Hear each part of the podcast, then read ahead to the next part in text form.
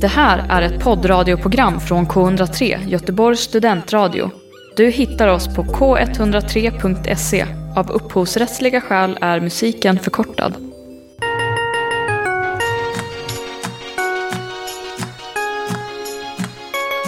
Hej och välkommen till tagning 103 på Göteborgs studentradio K103.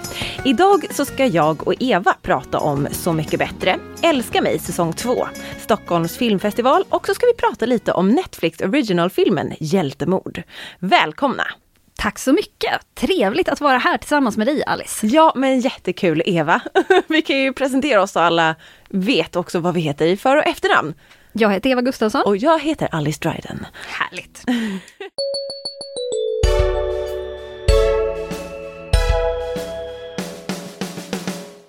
Så mycket bättre är igång. Elfte säsongen. Vad säger du om det?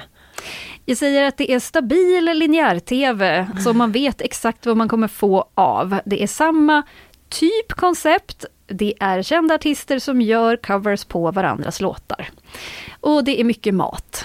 Ja, det är mycket, mycket mat. Eh, I år är typ första gången som jag är så här, oh man ser faktiskt de som serverar lite mer. Eh, helt plötsligt ser man en kropp, inget huvud, men bara en kropp som står bredvid Tommy Körberg. Han är så här, nej jag vill inte ha mer vin. men det, det är ju som du säger ganska mycket linjär-tv. Det brukar vi inte prata så himla mycket om här. Nej, faktiskt inte. Det beror ju dels på att vi inte ser så mycket linjär-tv. Det, kan, det, det, är den största anledningen. Det är största anledningen. Jajamän. Och jag kan ju också säga att jag har ju inte sett det här när det har gått. Jag har ändå sett det i efterhand via streaming. Ja, mm. så du, du kollar på liksom TV4 Play, inte på TV4 lördag klockan nio? Jag är så gammal och old school att jag har en Tivo-box. Vad är det? Det är en digitalbox som, där du kan programmera vad som ska spelas in från din TV. Så att när du sen kommer hem så finns det saker liksom bandat. Det är lite som att ha en VHS-spelare fast oh. det är inte på band utan det är digitalt. Men det låter ju asnice. Då kan man också spola reklamen.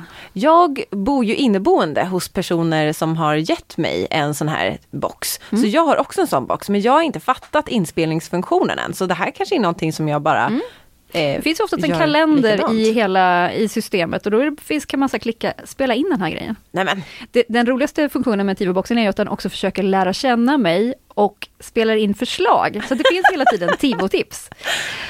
Och då är det så här, men snälla, okej, okay, tack för att du har tipsat mig om det här, men nej tack. Men nej tack. Ja. tack men nej tack. Så där väntar det Så mycket bättre på mig. Och jag gillar att titta på detta på söndagmorgnar, det är perfekt frukost-tv. Oh.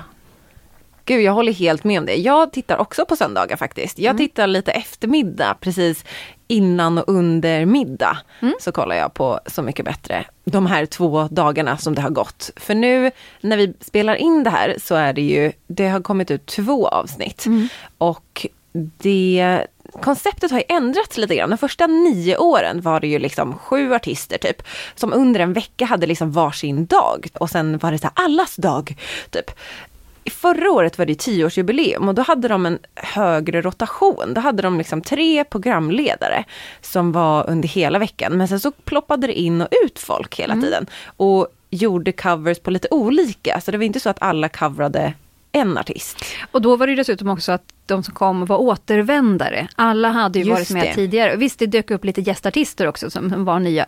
Men eh, alla var ju då best of Just best det. of, best of på något Tio sätt. år av Så mycket bättre. Mm. Eh, men det här året så känns det som att de de sprusar upp det lite, så de har behållit den här rotationen. Mm. Men de har inte så det kommer komma in fler artister än vad det har varit nu de här två gångerna.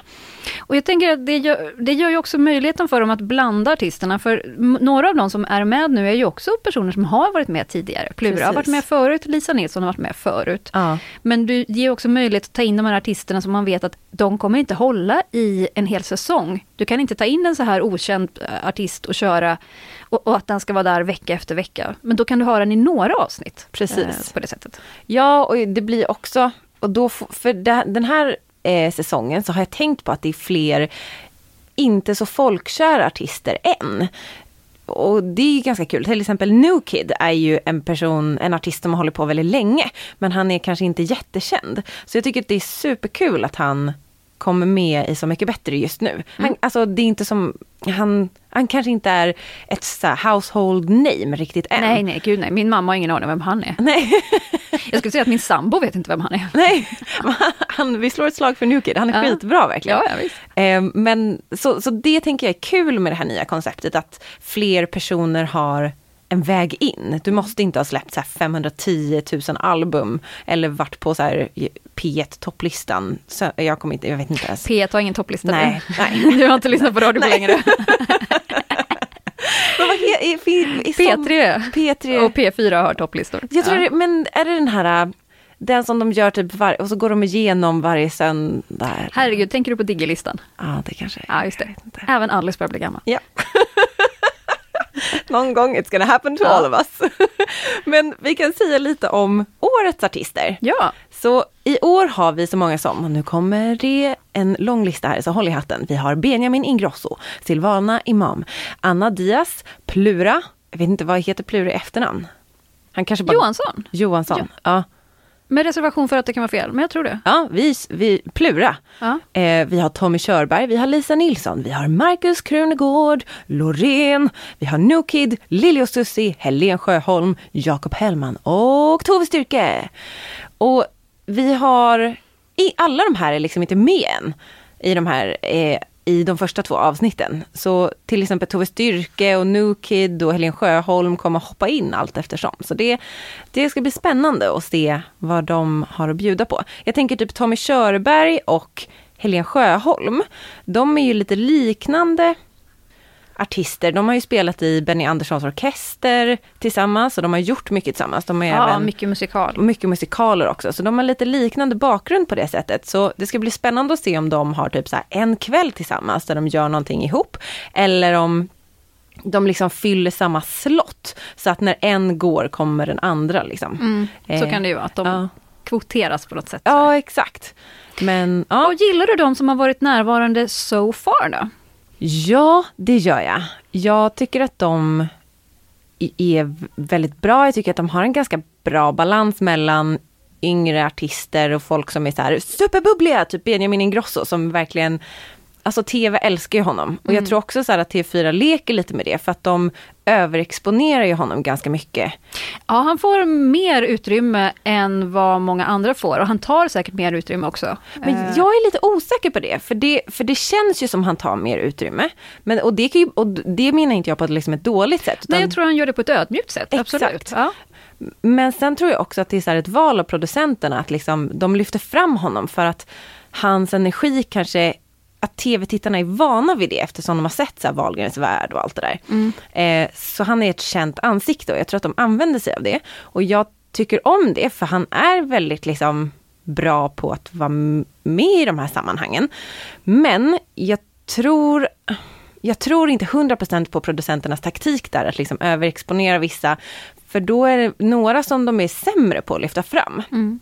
Jag vet, vi pratade om Anna Diaz till exempel. Och i, eller i avsnitt ett så pratade hon om att hon är lite blyg och att hon pratar inte så mycket för pratandets skull. Men man märker ändå att de gångerna hon är med i konversationen så har hon väldigt bra saker att säga. Men där tänker jag att det är tråkigt att producenterna inte ger henne mer chans eller mer tv-tid. Ja, eller bara liksom trycker in mer eh, exponering av henne. För det är ju lite som att hon nästan inte är där. Precis. Eh, på det sättet. För det, för det finns ju flera i gruppen som heller nog inte de snackigaste i stan. Jag tror att Krunegård och Silvana Imam, de kan nog också sitta mycket och lyssna. Exakt. Och inte behöver liksom höras hela tiden. Men de syns ändå och de, de, det är hela tiden så att de får exponering. Precis, man, det, de filmar dem runt det här bordet liksom, och de sitter där och man får se dem sitta och nicka med. Och den exponeringen får inte Anna Diaz. Och då känns det som ett så medvetet val av producenterna att de gömmer henne lite grann och det tycker jag är supertråkigt. Och också konstigt för hon är ju dessutom en av de tre uttalade programledarna. Va? Ja, det, det, är ju de tre som ska vara liksom ledande under hela den här säsongen. Det ska vara Plura, det ska vara Anna Diaz och så är det väl Krunegård tror jag. Mm. Så, att, så att de ska liksom vara de som är, det som förra året var Petter, Uggla och Miss Li. Eh, Miss Li, precis. Men de var ju världens bästa trio. Mm. Den här trion känns lite skakigare. Ja, jag vet inte när de ens umgås. Jag tycker också typ att, oh förlåt det här kanske blir kontroversiellt, men jag, jag tänker att Plura hade en annan energi när han var med förut, för han har ju varit med tidigare. Mm. Och då hade han en annan energi. Nu känns han ganska trött. Även om han är liksom musikgigant och liksom fan vad bra han är. Men jag tänker att det it doesn't make sense for me att de här tre personerna är programledarna. Mm, nej, jag förstår vad du menar. Jag tycker också att han har varit, ja men som att han är lite så här, ja, men jag gör det här, jag kan det här, jag har gjort det förut. Exakt. Eh, men att han inte tycker att det är fantastiskt roligt. Alltså, Nej. Utan det är mer så han bara, ja, ja, det, det, känns hemma, jag kan stuffa runt här lite och ni får filma. Eh, ja exakt, ja. för typ Benjamin Ingrosso försökte få igång honom och var så här, kom Plura, du och jag och, eh, kom inte, Mauro Scocco typ, vi borde ha någon middag någon gång. Och Plura, och Plura typ, bara, nej! Ja exakt, och typ gick iväg och man bara, men du kanske får bjuda lite mer. Men nu känns det som att jag mm. Plura, det är verkligen ja, inte meningen. Han är ju jättecharmig liksom, egentligen. Men, verkligen. Ja. Men han känns lite trött, precis som att Anna Diaz känns underexponerad. Mm. Eh, Markus Krunegård håller jag verkligen med om. Han framställs ju som väldigt så här, klok och han får ju på något sätt eh, de här one-on-one grejerna där han reflekterar och analyserar lite mer och då lär man ju känna honom. Mm. Eh, så han blir exponerad på det sättet även om han inte alltid är 100% med i diskussionen. Så ja, Spännande ska det bli i alla fall. Och se vad de kokar ihop i de nästa avsnitten. Jag är taggad ändå, det är bra artister med. Mm. Har du varit nöjd med låtarna? Ja, men det har jag väl varit. Jag tycker definitivt att det finns de här guldklimparna. Och sen är det kul, det är kul att det är liksom folk från så många olika musikgenrer som gör så många olika tolkningar. Och det känns, ibland kan det ju vara typ så en artist per säsong, särskilt från de första nio där det var så här alla tolkar alla liksom. Mm. Eh, och då kunde det ju vara man bara, åh nej, den här artisten kanske wow, det här kanske inte var din forte, just mm. att tolka den här andra artisten. Och nu känns det som att de får mer röra sig lite friare och kanske plocka, men den här artisten känner jag verkligen att jag har en musikalisk connection med och jag blev inspirerad istället för att tvinga fram en tolkning. Ja, jag måste välja något av dig. Exakt. Mm. Eh, så det tycker jag, jag tror att det är smart att göra så. Ja, har du någon favoritsäsong av alla de säsongerna som har varit? Jag, har, jag är ju till att börja med inte en trogen tittare. Mm. Jag har kanske blivit något trognare på sist sistone, de senare åren, mm. eh, där jag faktiskt har kollat. För tidigare tittade jag bara när det var en artist jag gillades dag. Så där jag ja. såg Timbuktu, jag såg Olle Ljungström. Och, så det var väldigt så enstaka nedslag. Och det mm. tog ganska lång tid innan jag såg någonting överhuvudtaget, skulle jag nog säga. Men eh, jag har nog ändå uppskattat... Jag undrar vad jag gillade mest. Ja, men jag tror att jag gillade verkligen när Timbuk, Magnus Uggla och Olle Ljungström var med. Ja. Uh, nu minns jag inte riktigt hur länge sedan det är och det måste ju vara ett tag sedan, Olle har ju varit borta ganska länge. Ja. Så, men kanske runt 2015 eller sånt där. Ja men åt det hållet liksom. Ja. Jättekul. Det, jag gillar och jag vet att det var väldigt många låtar som jag tyckte var intressanta där också. Så. Men sen är det nog bara mer just enstaka, jag tror att jag gillar låtgrejen. Mm när det blir roliga covers. Och jag uppskattar ibland att få höra om artister, speciellt de som jag kanske inte vet så mycket om. Ja. Men ibland känns det också lite krystat de här samtalen, plus att ja, det jag inte gillar och som jag kan klara mig jättemycket utan, det är ju när de ska göra aktiviteter. Ja. Nu ska vi gå till en vingård, nu ska vi spela boll, nu ska vi... Och, och man ser ju hur de flesta också är så här, varför ska vi göra det här? Sluta! Ja, och det kan Spela verkligen vara en hit, mer. hit or miss. Mm. För ibland är det så ganska roliga grejer, eller det blir roliga samtal. Men oftast är det ju bara så här, hehehe, mm. jag gör det här för att jag måste, typ. Men jag hoppas ju lite att det kanske är så att det här året, att det inte är så mycket sånt, för att eh, ja, men så här, coronarestriktioner, de bara, nej men vi, vi försöker, håll, håll det småskaligt, fokusera på musik, men, prata. Men det känns som att det är det, att nu är det bara en aktivitet per dag istället för förmiddag, eftermiddag. Så det tror jag, de kanske kör lite på det faktiskt. Jag måste slå ett slag för säsongen när Carola var med. För då var... Ja, och Lova Antell. Ja, det såg jag Lo ganska mycket av. Alltså fan, jag älskade den säsongen. Det mm. var eh, Ola Salo, familjen, eh, Amanda... Bergman? Eh, Nej, förlåt, Amanda ja, exakt, hon. Soul från Nor Norrland. Exakt. Ja, hon. Ja. Den Amanda. Mm. Eh, den var bra för att alla gjorde jävligt bra covers men framförallt hörni, framförallt för att alla var så snälla. Mm. Jag har typ aldrig sett ett tv-program där folk har varit så snälla mot varandra. Så ödmjuka och stöttande och liksom verkligen lyfter varandra. Och jag, jag verkligen kände typ hur jag mådde bra av att titta på Så mycket bättre då. För ibland kan det ändå vara typ att folk är lite torra mot varandra mm. eller liksom så. Men den säsongen var helt ljuvlig att titta på. Härligt. Mm. Sånt gillar vi.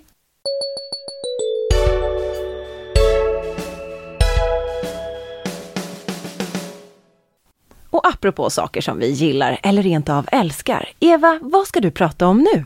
Älska mig. TV-serien som är ju en dramakomedi. Den är skapad av Josefin Bornebusch. Hon har skrivit både manus och gjort regin. Hon skådespelar också och har den eh, en av tre huvudroller får man väl ändå säga. Första säsongen kom förra året, innehöll sex avsnitt. De är ungefär så här lite över 30 upp till kanske nästan 45 minuter långa. Mm. Och den nya säsongen som nu har kommit är likadan. Sex nya avsnitt eh, mellan 30 och 40 minuter långa. Det är en serie som fokuserar på en familj, vuxna barn, eller ja, en vuxen dotter och en nyligen vuxen eh, broder mm. som, eh, som försöker leva vuxenlivet i alla fall. Han är lite sladdbarnet som är bortskämt. Och så har vi pappa eh, Sten som ju då i första säsongen blir enkling. Där mamman går bort och det här blir självklart ett trauma för hela familjen. Men eh, ja, de hanterar det på olika sätt och de har alla lite olika problem sådär. Klara, den äldsta systern som är, hon jobbar på en, eh, alltså på BB. Hon, eh, hon jobbar som barnmorska eller läkare. Och hennes dröm är väl liksom att, här, att hitta någon för att hon har en stor barnlängtan. Och då hjälper det inte att hon jobbar på ett ställe där det liksom produceras barn. Bara dagligen. är bebisar? Exakt. Hennes lillebror Aron, han kämpar väldigt mycket första säsongen just med mammans bortgång. Att han alltid har varit mammas älskling som har hjälpt honom med allt och skyddat honom och nu ska han liksom så här ja men vad ska han göra med sitt liv? Ska han plugga? Eh, ska han skaffa sig ett jobb? Han har ingen utbildning. Vad, vad ska jag göra? Måste jag ta hand om det själv nu? Liksom? Va? Oh, Va? Ja, de här stora frågorna verkligen. Ja, och så ja. har han en, uh, han har en flickvän också som är superstar DJ. Som, uh, som är nog inte den trognaste och inte så här, som han bara älskar och typ o unconditional. Twilight love. Ja, men lite grann sådär. Och sen då, ja, Sten. Vad ska hända med Sten? Nu är han plötsligt ensam, barnen är utflugna, han sitter där i sitt hus eh, efter att frun har varit sjuk jättelänge. Vad ska han göra med sitt liv? Liksom? Mm. Och den första säsongen, den rinner ju lite ut i att de alla får stora förändringar i sitt liv. Eh, där Klara träffar någon, eh, men den här någon, är den verkligen rätt? Och Eh, och att Aron också får så stora saker som händer i sitt liv och liksom är det rätt val han gör och så. Och även Sten träffar någon. Oj! Vad händer med den nya kärleken när man är pensionär? Liksom? Hur, hur funkar det? Och liksom, det, det, är lite de här olika skedena i både liv och kärlek och hur de kan påminna om varandra eller skilja, skilja sig från varandra mm. på något sätt. Ja men verkligen, och den är ju liksom gjord på det sättet att man lite ska kunna ha tre generationer på något sätt, eftersom det ändå är ganska lång tid emellan Klara och Aron i ålder. Just det. Och den är ju skriven på ett väldigt, liksom så här, det är livs livsöde men ändå väldigt roligt. Mm. Så det kan vara supersvart men samtidigt jättekul. Och det är en av de stora styrkorna tycker jag i Älskar mig. Att framförallt Klara är en ganska svartsint person. Hon är ganska butter och eh, hela tiden ganska krass i sitt sätt att se saker. Men gör det ändå på ett väldigt roligt sätt. eh, det finns till exempel en fruktansvärt rolig scen i första säsongen när hon och hennes bror ska åka och hämta ut moderns aska hos begravningsentreprenören. Och hur det bara är så fruktansvärt roligt, men samtidigt sjukt tragiskt och bara helt vansinnigt, för det är så absurt också. Ja. I säsong två som nyligen har släppts på Viaplay, där man ser den här serien, så är det nya fokus. De har ju liksom alla landat i varsin relation. Nu är fokuset fullt förklara att de ska skaffa barn, men det blir inga barn. Varför blir det inga barn?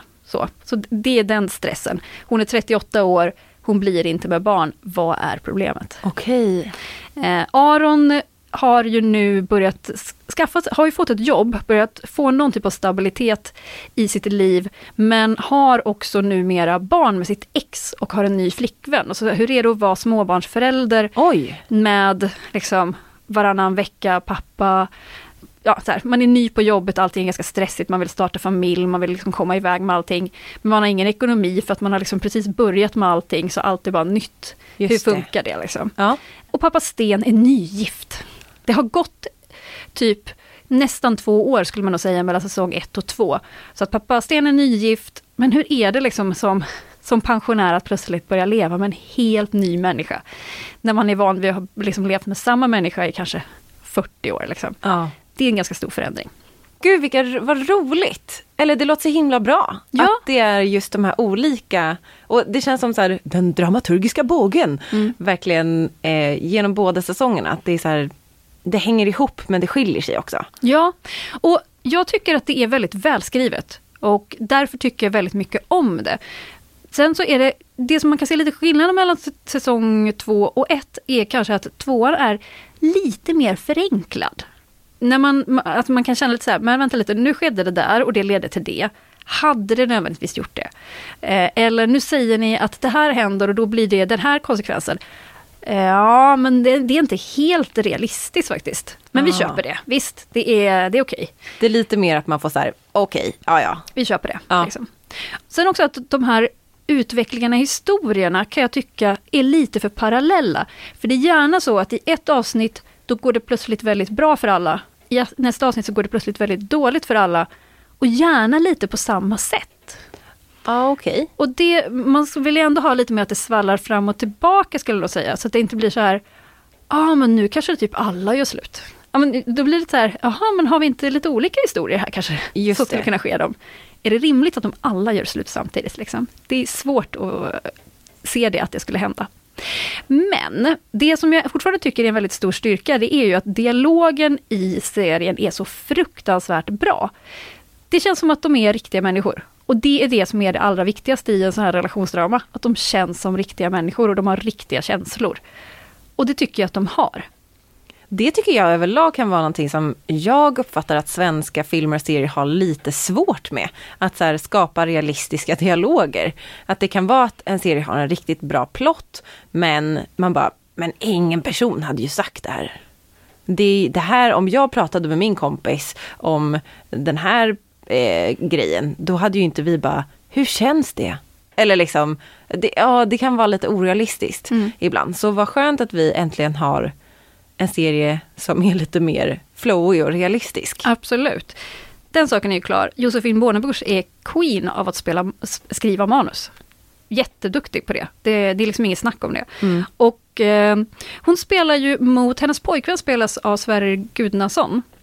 Och han är ju också jätteduktig på det här, just att vara både rolig, charmig, men också väldigt allvarlig. Eh, och det passar honom väldigt bra, för den här säsongen handlar mycket om honom vad, liksom, hans förflutna, eh, han har en son sen tidigare, han har ett ex sen tidigare. Hur är den relationen och hur kommer han påverka den nya relationen och hans framtida liv? Så, mm. Nu när han vill bli pappa igen. Så. Här finns också ganska många roliga sidokaraktärer. Framförallt Klaras bästa vän, som heter Sasha, som också jobbar på samma ställe, eh, på BB. Och i första säsongen så är hon liksom den här åh, jättestadgade mamman med tre barn och eh, supergosig man som bara är hemma och lagar mat hela tiden. och de har ett så här jättehärligt förhållande och hon, eh, Klara kommer ofta hem till dem och är så här bara i kaos. Och bara, Nej, så här, jag är så ensam och de är bara så värsta tomtebolyckan. Liksom. Men i den här säsongen så de får då lite representera den här medelålderskrisen, att de krisar och att det inte funkar och att plötsligt flyttar den här familjen in hemma hos Klara och bara så här Okej, okay, men ni får sova på min soffa då medan ni bråkar eller liksom, eh, ni inte vet hur ni ska ha det. Eh, och att det också skapar en så här, den, det man själv också kan känna igen så här, om, om de där som man själv sätter på pedestal och tycker att men de är det bästa paret i hela världen om de har problem, då har jag sådana jävla stora problem. Liksom. eh, så, så, att det är också så lite, eh, ger sprickor i Klaras värld, att, att hennes vän som hade det så himla bra plötsligt inte har det. vad har hon för chanser att det ska bli bra i hennes liv? Liksom. Ah, Okej, okay. jag tänkte, eller min första reaktion var liksom, för jag har inte sett den här serien, men att det var lite grann att det är ganska skönt att få någon form av reality check. För publiken kanske, kanske inte förklarar då. Men, men att det är den här, nej men fan, alltså även om det ser ut att vara bra eller även om det har varit väldigt bra så alla är mänskliga. Mm. Det är svårt med relationer. Det är ingen fara om det kaosar liksom. För det gör det på något sätt för alla. Mm, ja men faktiskt. Och det tror jag, den, den känslan tror jag vi som publik får. Just det. Att man ser att så här, ja gud så där kan det vara liksom. Mm. Eh, och sånt kan hända och det händer ju hela tiden runt omkring en. Det är liksom inte med det. Uh, och hennes kompis uh, Sasha spelas av Nina Sanjani, som jag älskar för hon är så himla rolig. Gud vad kul! Uh, så att, alla de här skådespelarna som de har samlat här med, som Johan Ulveson spelar hennes pappa Sten, och man ser många roliga personer, liksom vad som eh, side characters också. Och de känns välskrivna också. De är inte bara utfyllnad, de har också en liten historia, även om den är mycket mindre. Så att eh, jag rekommenderar varmt att man ser, självklart båda säsongerna, man ska inte börja se tvåan. Och det här är så pass kort också, så det är ganska lätt att kolla i kapp också. Det är inte så mycket att ta in. Jag hoppas också att serien faktiskt är avslutad nu, för det känns som att den kommer ganska mycket full circle i slutet på säsong två. Ja. Och visst, det här är människor, de kan leva vidare sina liv och ha andra problem eller saker för sig. Men det känns som att den nog ändå är lite klar. Ja. Så att hur bra jag än tycker att den är så tycker jag inte man ska mjölka den faktiskt. Men, Men den får fyra härliga klappor från mig.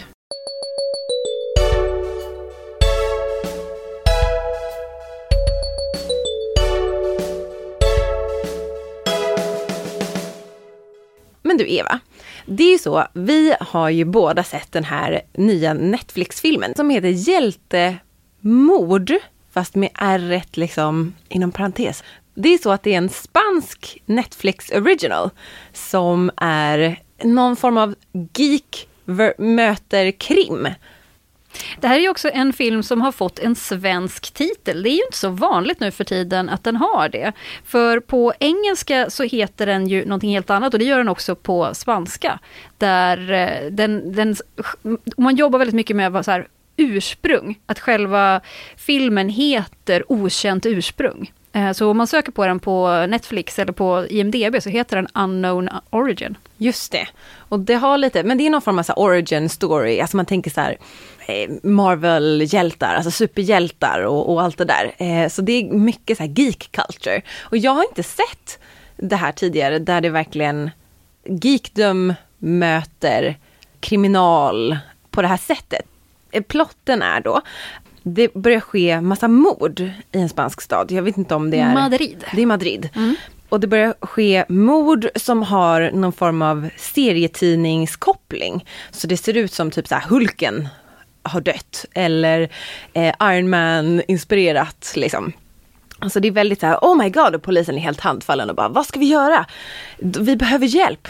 Och då är det så att den lite äldre polisen Cosme, eh, som nu ska gå i pension, hans son Jorge Elias äger en geek bookstore typ. Mm. Um, Han är verkligen the comic book guy. Ja exakt, så lite science fiction bokhandeln typ. Det finns massa böcker, serietidningar men också de håller workshops och det är värsta geek community eh, samlingsplatsen liksom. Det låter jättetrevligt.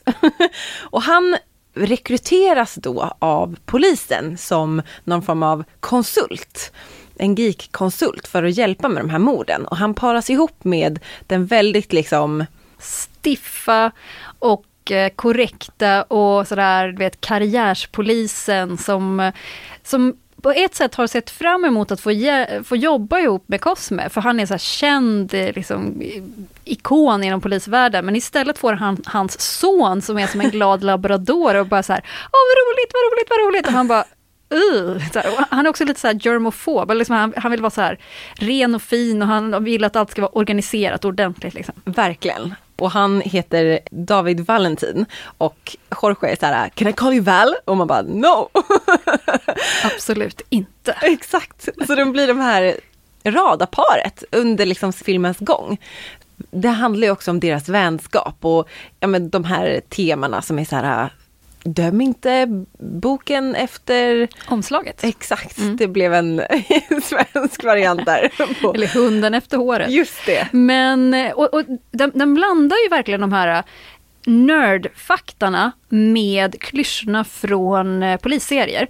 Där du har de här, liksom, det omaka paret som blir ihopsatta mot sin vilja. Du har eh, den extroverta chefen som, eh, som dessutom är en kvinna som är ganska parant. Och, och sen också så här målande casen som hela tiden dyker upp. Så nu är det ett nytt brott, sen kommer nästa. Och, så här, att man så. och det är ju verkligen, när jag tittar på det här så ser jag att det är ju som en, en hommage till David Finchers Seven. Eh, för att de här, de här olika fallen, eller de olika morden, är ju supergrafiska. Ja, de är verkligen, alltså Ja, det är inte, det är inte någon så här, oh wow, oj nej, någon dog, utan det är verkligen så här, oh, ond bro död, ja. splatter, blah. fast ändå gjort på ett liksom snyggt sätt, för de är just de här ja. inspirerade, så de är väldigt liksom kreativa eller vad man ska säga. Det är en, en mördare som är konstnärlig på något sätt i, mm. och det gör det hela lite obehagligt också, att man, det här är inte bara någon som går omkring och liksom offar folk utan det är någon som planerar det här och det är liksom utdraget och tortyr. Verkligen. Mm. Men det är ändå lite nedtonat i sättet att det är inte så Alltså, det är ju lite man säger bara uh, när man ser det, men det är samtidigt inte Det känns väldigt eh, kanske lite plastigt och väldigt färgglatt, vilket gör att det känns ändå ganska lugnt och inte så otroligt äckligt och inte så... De, de, de grottar sig inte in i det här för mycket, så det blir inte obehagligt. Det är inte som Seven, där man bara så här, åh herregud vad obehagligt liksom.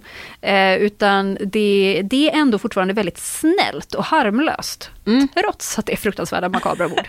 och det är verkligen en hårfin balans det där mellan den här geek-feelingen och lite mysfaktorn och kriminalaren. Liksom. Precis som du säger, att de får verkligen ihop det här att de har tagit det bästa av båda världarna och gjort den här mysiga filmen. Mm. Som ändå är ett mordmysterium också. Så det, ja den är, jag tycker den är riktigt bra. Jag tyckte också att den var väldigt charmig, men jag kan snarare se att det finns en del problem med filmen, framförallt i kriminaldelen, där det är väldigt mycket enkla lösningar. Och att just eftersom att det är så här du, du, du, murder mystery, eh, att det, ja, det är mycket saker jag inte köper. Och man så här, ja, nu åker den ensamma polisen och hans sidekick som är eh, har en seriebutik, de åker för att gripa den potentiella seriemördaren själva. Mm, säkert. liksom det går väldigt snabbt ibland och man känner så här, ja här var det väldigt enkla lösningar för vi måste ju vidare till nästa visuella upplevelse. Just det, ja det är sant att de hela tiden har det visuella och, och eh, men geek-feelingen eh, går verkligen, eh, de har det som mål eller vision. Men jag tänker också det finns ju hur många kriminalare som helst som också är så, att man bara, hade det verkligen varit på det här sättet. Jag tänker på typ svenska Hamilton-serien nu, den nya med han norska. Och den var bra. Men alltså herregud, man bara, det har skett ett terroristattentat och det är två personer som jagar den här terroristen. Man bara, det är inte riktigt Låg prio. Ja, alltså verkligen. Det är inte, det känns så otroligt orealistiskt. Ja. Så det är ju ändå någonting som kriminalare leker med, att det ska vara det här fokuset på hjälten och sidekicken och det omaka paret. För att, men det är väl i den relationen på något sätt som också så här, det är där hjärtat är. Men sen så bryr vi oss också för att det är det här stora mörka läskiga brottet mm. som också finns.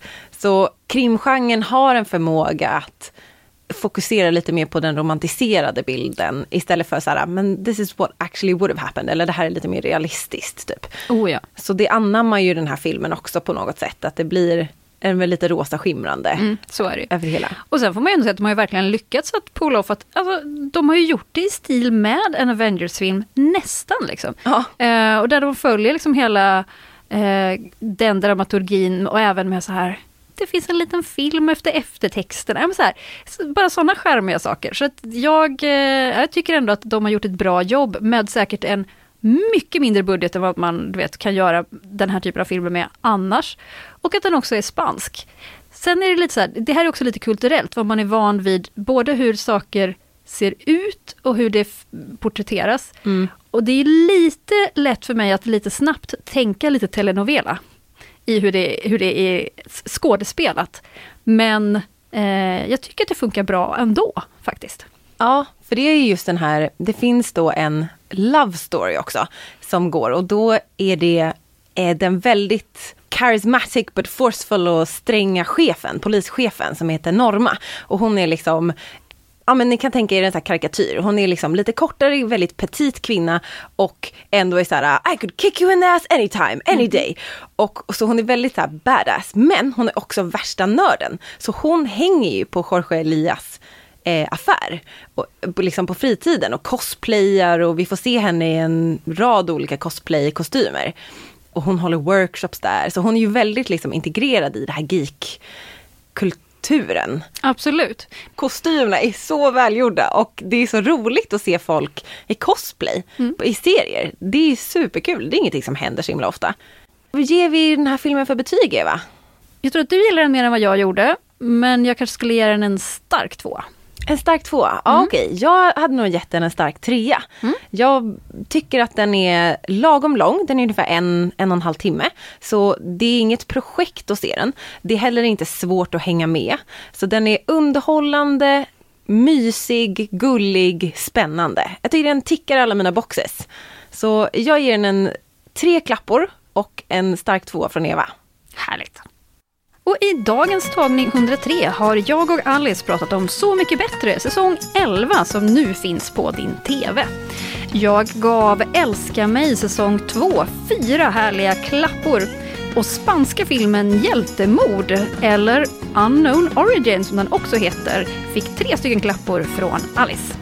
Tagning 103 kommer tillbaka nästa vecka igen. Du kan också lyssna på vårt program på poddformat. Då är det bara att gå in på Spotify, iTunes eller Acast och leta efter tagning 103. Tack för idag och vi önskar er alla en riktigt trevlig helg! Du har hört en poddradioversion av ett program från K103. Alla våra program hittar du på k103.se Följ oss gärna på Facebook eller på Instagram. Vi hörs!